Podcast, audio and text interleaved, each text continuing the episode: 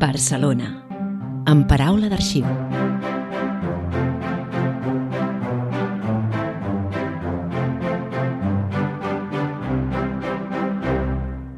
Us donem la benvinguda al podcast de l'Arxiu Municipal de Barcelona. Som en Javier Casanef i en Pere Andreu Geriot. Avui volem tractar una documentació i un tema especialment sensibles, una documentació i un tema que ens parlen de por, de repressió, de sospita, de persecució, de justícia arbitrària, del què passa quan el dret es converteix en revenja, quan la gent propera pot ser alhora element condemnatori i taula de salvació, quan la societat en la que vius es converteix en un o estàs amb mi o estàs contra mi, sense possibilitat de matís, de diàleg, de debat serè d'idees. Avui parlem d'una documentació no gens amable, però que no deixa de ser també, com sempre, un mirall de nosaltres mateixos. A Barcelona, en paraula d'arxiu, us volem presentar els expedients de depuració franquista dels funcionaris de l'Ajuntament de Barcelona. Barcelona, en paraula d'arxiu el podcast de l'Arxiu Municipal de Barcelona.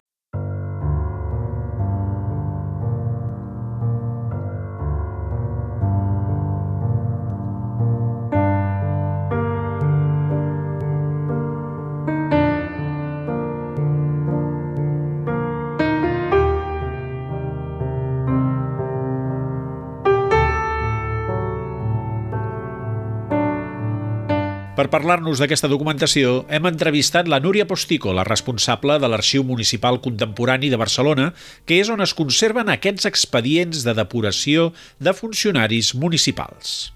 Els expedients represaliats és una sèrie documental que forma part del fons de l'Ajuntament de Barcelona i són uns expedients que es van crear un cop acabada la Guerra Civil per represaliar aquells funcionaris que es va creure que no eren addictes al règim. Dins de la política sistemàtica de repressió contra els vençuts, una de les primeres mesures que va implementar el primer govern franquista a Barcelona va ser la depuració de funcionaris a l'Ajuntament de la ciutat. L'interès per eliminar de l'administració tota persona sospitosa d'haver col·laborat amb el règim republicà o de ser desafecte al nou règim era essencial per la construcció del Nuevo Estado. Ens ho comenta en Marc Gil Garrusta, doctor en Història per la Universitat de Barcelona i professor d'Història Contemporània i Món Actual a la Universitat Oberta de Catalunya. Ell és l'autor del llibre Barcelona al servei del Nuevo Estado, depuració a l'Ajuntament durant el primer franquisme, que recull la seva tesi doctoral titulada La instauració del règim franquista a l'Ajuntament de Barcelona, depuració i reconfiguració de l'administració municipal. Amb ell hem conversat sobre aquest tema i també ens anirà acompanyant en l'episodi d'avui. El que fa el règim franquista només arribar a totes les administracions, i en el cas concret que ens ocupa, el de l'Ajuntament de Barcelona, és, diguem-ne, passar un filtre ideològic i moral a tots i cadascun dels funcionaris municipals. I, per tant, el que fa és dir, bé, el que faré és veure què és el que ha fet cada un dels funcionaris durant el període de Guerra Civil. Aleshores, en funció de com hagi estat aquesta conducta seva durant aquest període, doncs, diguem-ne, se li imposa una penalització o no, o se l'admet sense penalització, diguem-ne. No? I aleshores les penalitzacions poden anar des d'uns mesos de càstig fins a l'expulsió de l'Ajuntament de Barcelona, del cos de funcionaris de l'Ajuntament de Barcelona.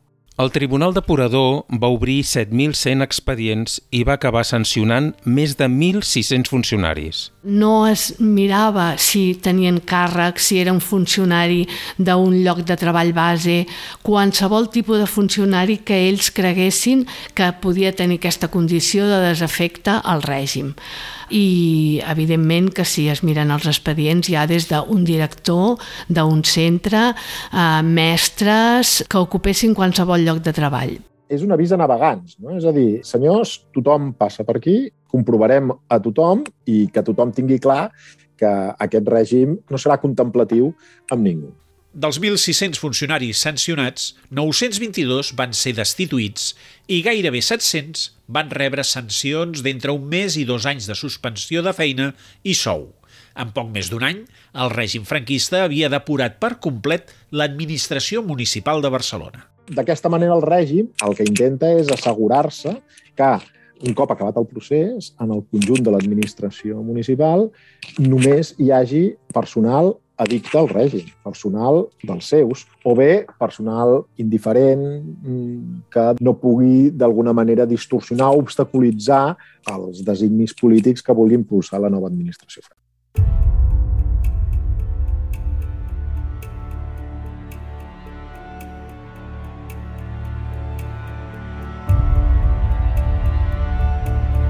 En cadascun dels més de 7.000 expedients de depuració franquista dels funcionaris de l'Ajuntament de Barcelona conservats a l'Arxiu Municipal Contemporani hi ha reunida tota la documentació relativa a cada cas, des de les diligències inicials fins al document d'exoneració o de condemna signada pel jutge instructor.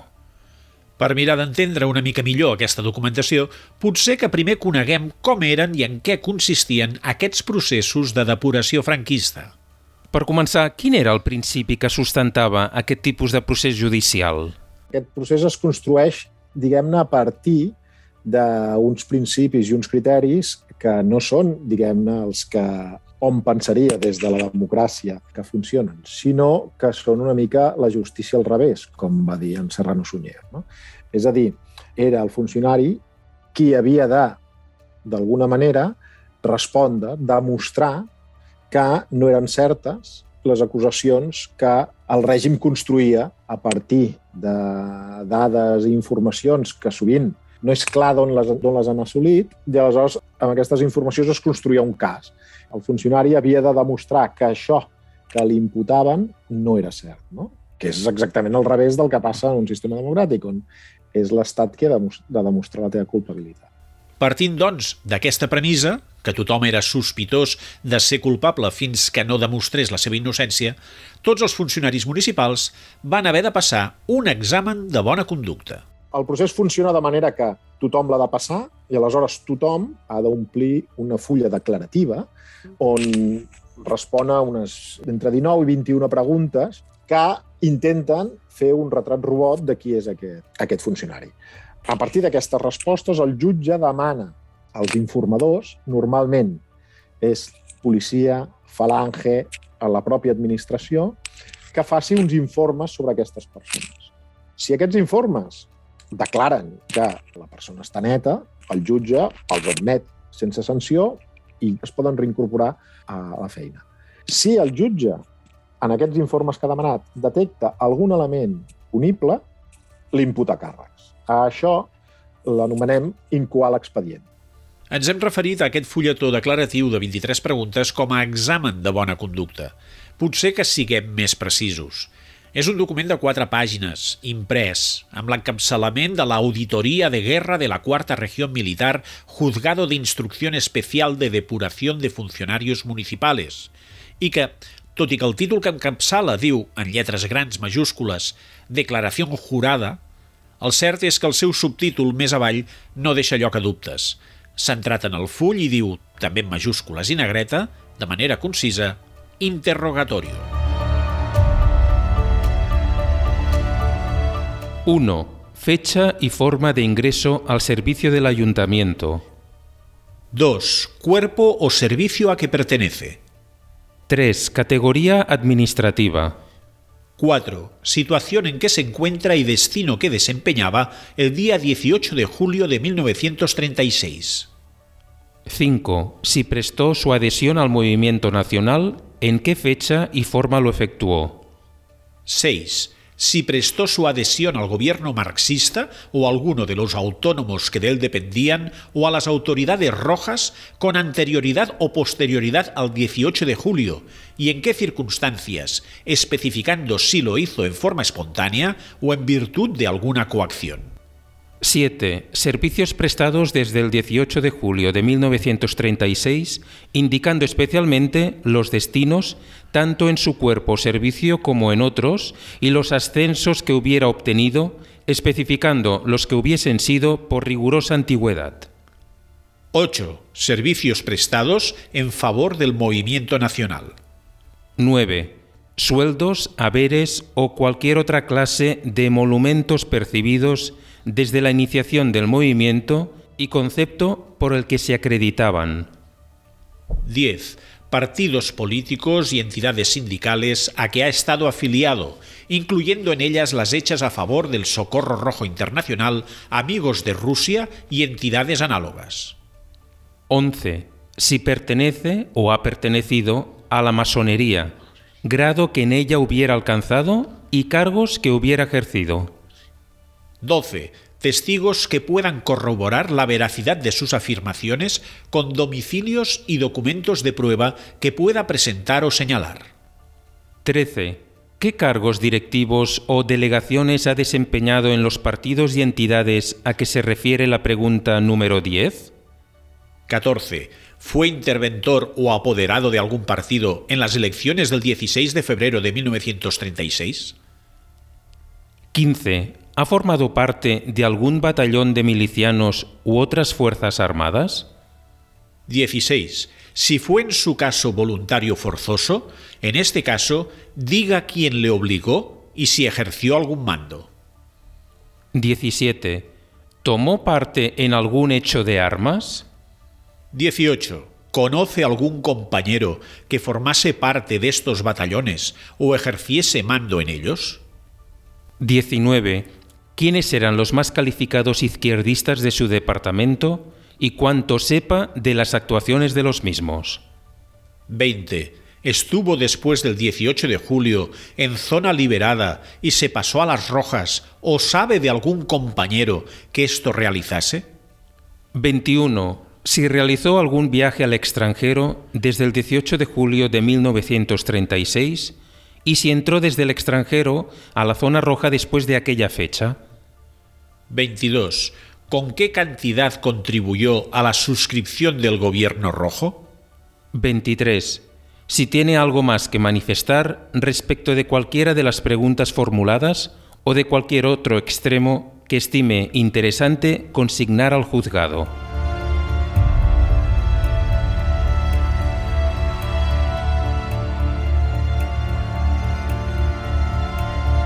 Tots els funcionaris de l'Ajuntament de Barcelona van haver de respondre i signar aquest interrogatori per escrit i quedar a l'espera del que es decidís sobre ells. El problema principal era que, més enllà de saber-se sospitosos d'entrada, s'hagués fet o no s'hagués fet res de destacable, tothom mirava de defensar-se de bon començament de càrrecs que encara no se'ls havia formulat perquè també ignoraven les possibles denúncies que hi hauria sobre ells ni en base a què aquests casos es construïen a partir de o bé denúncies anònimes de gent, o bé rumors de no sé què, o bé possessions interessades de veïns, companys de feina... Clar, aleshores, no és la construcció d'un procés acusatori, diguem de transparent, sinó eh, molt, molt opac. En aquests expedients de depuració franquista conservats a l'Arxiu Municipal Contemporani, uns dels documents que més criden l'atenció són els dels testimonis que donen informacions i formulen acusacions sobre alguns d'aquests funcionaris. Li hem preguntat a Marc Gil sobre qui eren aquests informants. Qui són aquests informants? Tampoc els sabem sempre. A vegades són veïns, a vegades són companys de feina, efectivament, a vegades són, no se sap ben bé, no? Aleshores, clar, fa molt difícil la, la defensa d'això, però més l'atmosfera que genera aquesta situació és terrible perquè qualsevol pot ser acusat de qualsevol cosa perquè s'admet qualsevol rumor, qualsevol acusació s'admet com a prova. En l'expedient del procés de depuració que es va seguir contra Mercè Climent i Pasqual, directora de l'Escola Montessori Municipal de Barcelona, podem trobar una d'aquestes declaracions de delació. Es tracta de la d'una jove mestra que Mercè Climent havia tingut treballant amb ella a la mateixa escola Montessori. Preguntada por las generales de la ley, dijo llamarse como queda dicho, de 24 años de edad, de estado soltera, natural de Barcelona, provincia de Barcelona, de profesión maestra. Preguntada, manifiesta que conoce a Mercedes Climent Pascual, la trató dos años por ser su directora en la escuela declara que la Mercedes Climent era de ideas completamente rojas y que denunció a la declarante, por lo cual fue destituida por los rojos. Era de íntima amistad con el caricaturista Rojo Bagaría, el cual vivía en su mismo domicilio. Sabe por referencias que instigó en el pueblo de Port de la Selva a la quema de la iglesia. Leïda, se afirma i ratifica. Si us fixat, més enllà del fet de la mateixa, El que potser més crida l'atenció és el tipus d'acusacions que es formulen. Es posen en qüestió comportaments que no són delicte quan es van produir. Per tant, això també és una construcció eh, judicial una mica estrambòtica perquè s'acusa de ser contrari al, al, al Movimiento Nacional a molta gent quan no era pas un delicte eh, ser-ho. No? I és així que, un cop procedit a l'interrogatori escrit i un cop recollides les informacions que parlen sobre ells, si procedeix, es passava a la següent fase, a la formulació formal de càrrecs i a comunicar a aquests al funcionari municipal que passarà a ser jutjat. Sentim la comunicació del ple de càrrecs que es van formular contra Agustí Duran i Pere, un dels principals historiadors de la història de Barcelona, que va ser director de l'Arxiu Històric de la ciutat durant molts anys i un dels principals preservadors de la documentació històrica de Barcelona durant la Guerra Civil. En virtud del expediente de información instruido al funcionario don Agustín Durán y Sampere, es de traslado al efecto del interesado el presente pliego de cargos, al que habrá de contestar por escrito en el término improrrogable de ocho días, presentando los documentos exculpatorios pertinentes, de acuerdo con lo prevenido en la orden de marzo de 1939. Pliego de cargos. A. Acentuadas tendencias catalanistas. B durante el movimiento, colaborador de la revista Nova Iberia, editada por el comisario de propaganda. C. En el año 1937 publicó varios artículos en La Vanguardia. D. Colaboró con el gobierno de la Generalidad. E. Fue director del Archivo Histórico de Cataluña. F. Realizó varios viajes al extranjero con el fin de sacar las obras de arte y documentación artística. G en marzo de 1937 fue autorizado para realizar un viaje a París con el objeto de dar una conferencia en la Sorbona y otras misiones por la Generalidad de Cataluña. Barcelona, 29 de diciembre de 1939, año de la victoria, el juez instructor. Barcelona, en paraula d'arxiu. Si ens hi fixem, alguns d'aquests càrrecs presentats poden costar d'entendre als nostres ulls que puguin arribar a ser contemplats com constitutius de delicte. I a partir d'aquí, la feina era del funcionari o funcionària encausat per demostrar, amb proves, la seva innocència dels càrrecs que se li imputaven. I la lectura dels expedients de depuració ens mostren sovint la impossibilitat d'aportar aquestes proves materials que poguessin demostrar la innocència d'un mateix enfront a uns càrrecs dels que s'acusava i dels que tampoc es disposava del coneixement de les proves materials de culpabilitat en contra seu. És per això que, la majoria de vegades, els funcionaris acusats havien de portar el testimoniatge de gent coneguda, tant en l'àmbit personal com en el professional. Davant d'algunes acusacions, l'única manera de demostrar-ho era a través de el testimoni d'altres persones que poguessin donar fe, perquè no hi havia una prova material per fer-ho. No? Fins i tot en els casos on, on hi havia gent que se li, se li acusava de ser membre d'Esquerra Republicana, com un partit, diguem-ne, republicà i tant, no? Però no, no s'adjuntava una fotocòpia del carnet. Com demostraves que no? No podies anar als arxius a dir, miri, escolti'm, no, no hi soc. bueno, doncs simplement havies de tirar de gent, no? de dir, escolti'm, aquest senyor mai ha, ha manifestat una posició ideològica eh, propera a l'Esquerra Republicana. No? A vegades l'única defensa possible era a través d'aquest testimoniatge. La qual cosa, doncs, llegint aquests expedients conservats a l'Arxiu Municipal Contemporani, ens fa veure la perversió d'aquest sistema judicial franquista.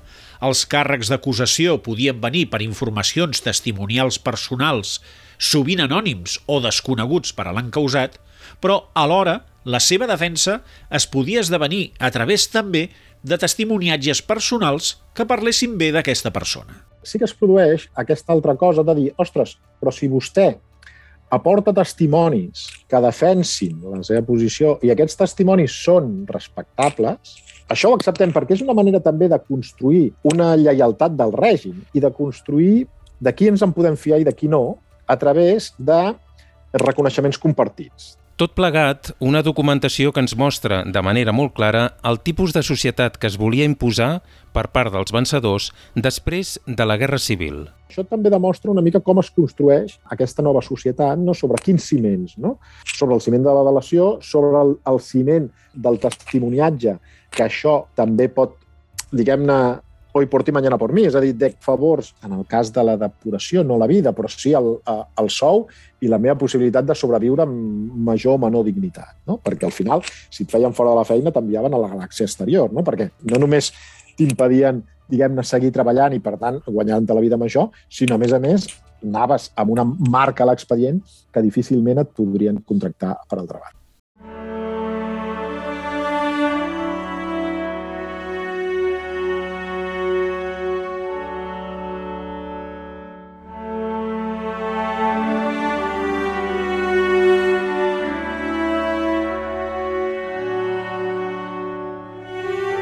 Probablement, aquest fons d'expedients de depuració franquista dels funcionaris de l'Ajuntament de Barcelona sigui una documentació de la més interessant i significativa a l'hora de conèixer no només l'estat de les coses i el clima social en els primers moments després de la fi de la Guerra Civil, sinó també per mirar d'extreure una mirada genèrica sobre què passa quan la societat en la que vivim es situa en la polaritat i el poder es torna arbitrari – ja sigui en temps de conflicte bèl·lic o en temps de conflicte pandèmic. Li hem preguntat a la Núria Postico per les condicions de consulta d'aquesta documentació a l'Arxiu Municipal Contemporani. Aquests expedients eh, no són de consulta pública, és a dir, són uns expedients de consulta restringida i s'ha de justificar el motiu de la consulta. I això per què? Perquè encara eh, no ha passat suficient temps i encara tenen dades molt sensibles que poden ferir doncs, el dret de, de les persones. I d'altra banda hi ha tot el dret, de, el dret moral i tota una sèrie de drets que encara això es conserva pels familiars.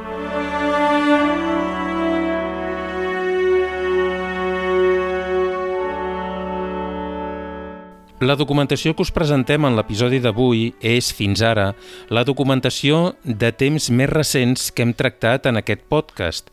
També la que segurament ha provocat més dolor i més ferides, algunes d'elles per a algunes persones, alguns supervivents i els seus descendents, encara són ferides obertes a hores d'ara. És per això que existeix el que anomenem memòria històrica – el conjunt de mesures de foment del coneixement històric del passat i de reconeixement d'aquelles persones que en conflictes armats o sistemes polítics repressors patiren actes injustos per motius polítics, ideològics o religiosos. En aquest sentit, amb la voluntat de restituir la dignitat del personal municipal víctima de repressió feixista, l'Ajuntament de Barcelona va acordar, en plenari celebrat el 27 d'abril de l'any 2018, l'anul·lació de tots els expedients de depuració de funcionaris i funcionàries que es van tramitar sota la llei franquista del 1939. En aquests expedients hi figuraven les 922 persones que van ser destituïdes i les 696 que van ser sancionades o inhabilitades. En l'acord del plenari, a més, es va indicar que una còpia del text d'aquest acord havia de ser incorporat en cadascun dels expedients de depuració conservats a l'arxiu contemporani. La Núria Postico, la responsable de l'arxiu, ens va explicar com ho van fer, respectant en tot moment la integritat del procediment administratiu, importantíssim des del punt de vista arxivístic, i, per tant, insertant aquesta còpia de l'acord del plenari no dins l'expedient de depuració, sinó entre aquest i la carpeta que el conté. Des de l'arxiu, per poder eh, reparar en les persones afectades o en els seus descendents, en algun cas, es va incorporar aquest acord del Consell Plenari adjuntat a l'expedient, no en el propi expedient perquè el procediment administratiu que generen els expedients, els expedients s'obren i es tanquen. Per tant, mai es pot incorporar un cop tancat un procediment. Llavors ho vam voler posar en una carpeta on hi ha l'expedient i al darrere hi ha l'acord del Consell Plenari. De tal manera doncs, que eh, qualsevol persona, ja siguin persones afectades, properes en el, a familiars o properes en, el, en la persona represaliada o bé investigadors o ciutadans en general que vinguin a consultar els expedients doncs puguin trobar aquest acord del plenari. Reparació històrica i tenir cura dels afectats documentals des del punt de vista arxivístic, amb la inclusió del llistat de funcionaris depurats en el web de l'arxiu. Però també posada en valor de la nostra feina com a historiadors i de les recerques que fem sobre el passat. De les coses que més orgullós estic és que la base de dades que va servir, efectivament, per una tesi doctoral i per, i per una publicació, etc, sobretot va servir després per posar-la a disposició de l'Ajuntament i de la ciutadania perquè tinguéssim noms i cognoms i tipus de sanció feta a cada un dels funcionaris que van deixar. No? Perquè em sembla que això és una mica aixecar registre i una mica contribuir a la recuperació de la memòria d'una gent que el règim va expulsar, la va sancionar i no li ha reconegut l'esforç ni res posteriorment. Des del punt de vista personal, de qui ha passat hores mirant aquests expedients, després de revisar interrogatoris amb respostes carregades de por, després de revisar fulls de testimoniatges que parlen sovint de revenges personals, puritanismes morals o d'extremismes ideològics, després de passar pàgines d'al·legacions desesperades de defensa, acompanyades d'altres testimoniatges de bones conductes imposades, després de llegir actes de sentències que desgraciaven vides, fulls i més fulls de paper groguenc de mala qualitat escrits a màquina d'escriure o amb lletra punxeguda, tots ells no gens amables, passar al darrer full, passar a la coberta de l'expedient i entre aquest i la carpeta de la unitat arxivística veure que s'ha tingut cura de deixar, perquè nosaltres el trobem, un full de paper blanc, de lletra impresa clara, amb l'acte de reparació de memòria històrica, és un dels moments més commovedors que qualsevol historiador pot viure fent recerca històrica. Per damunt d'un règim dictatorial, el triomf de l'estat de dret. Després de l'expressió de la violència d'un cop d'estat militar, la manifestació de l'acord de la representació popular a través de les urnes. En el fons, la possibilitat de la reparació i l'expiació del passat, en la mesura que sempre ho és només del present. Si més no, bona voluntat no en falta. El plenari del Consell Municipal, en sessió del dia 27 d'abril de 2018, adoptà el següent acord. Anul·lar els expedients de depuració tramitats a l'empara de la llei franquista per a la depuració dels funcionaris i funcionàries públics de 10 de febrer de 1939, que figuren al llistat número 1 corresponent a 922 funcionaris i funcionàries destituïts i el llistat número 2 corresponent a 686 funcionaris i funcionàries sancionats i fins i tot inhabilitats per càrrecs de comandament. Reconèixer la dignitat d'aquells funcionaris i funcionàries que van passar per un procés depurador sense les mínimes garanties de defensa i que van ser condemnats arribant inclús a ser destituïts per haver-se mantingut lleials als seus càrrecs i a l'administració a la que servien. Incorporar una còpia del present acord a cadascun dels expedients de la sèrie Represàlia Política F193 del Fons de l'Ajuntament de Barcelona, de l'Arxiu Municipal Contemporani, perquè es conegui l'anul·lació de les sancions que contenen. Incorporar una còpia del present acord a cadascun dels expedients personals dels funcionaris i funcionàries afectats. Notificar aquest acord als afectats i afectades i a les seves famílies, mitjançant la seva publicació a la Gazeta Municipal i al butlletí oficial de la província de Barcelona, així com al web de la Memòria Històrica de l'Ajuntament de Barcelona.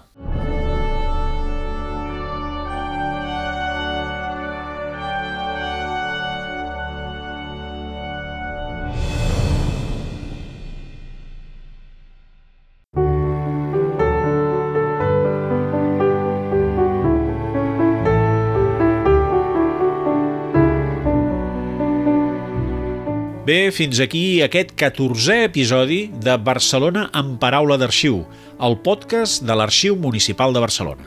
Un episodi en el que volem agrair la col·laboració de la Núria Postico, responsable de l'Arxiu Municipal Contemporani de Barcelona, i del doctor Marc Gil Garrusta, professor d'Història Contemporània i Món Actual a la Universitat Oberta de Catalunya.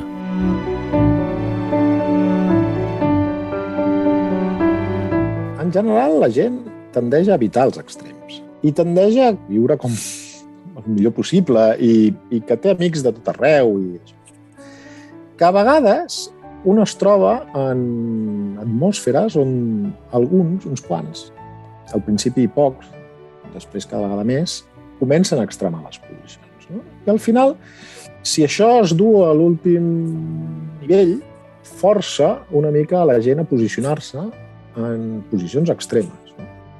Aleshores, aquí, reconduir tot això és molt complicat. Això és Barcelona, en paraula d'arxiu.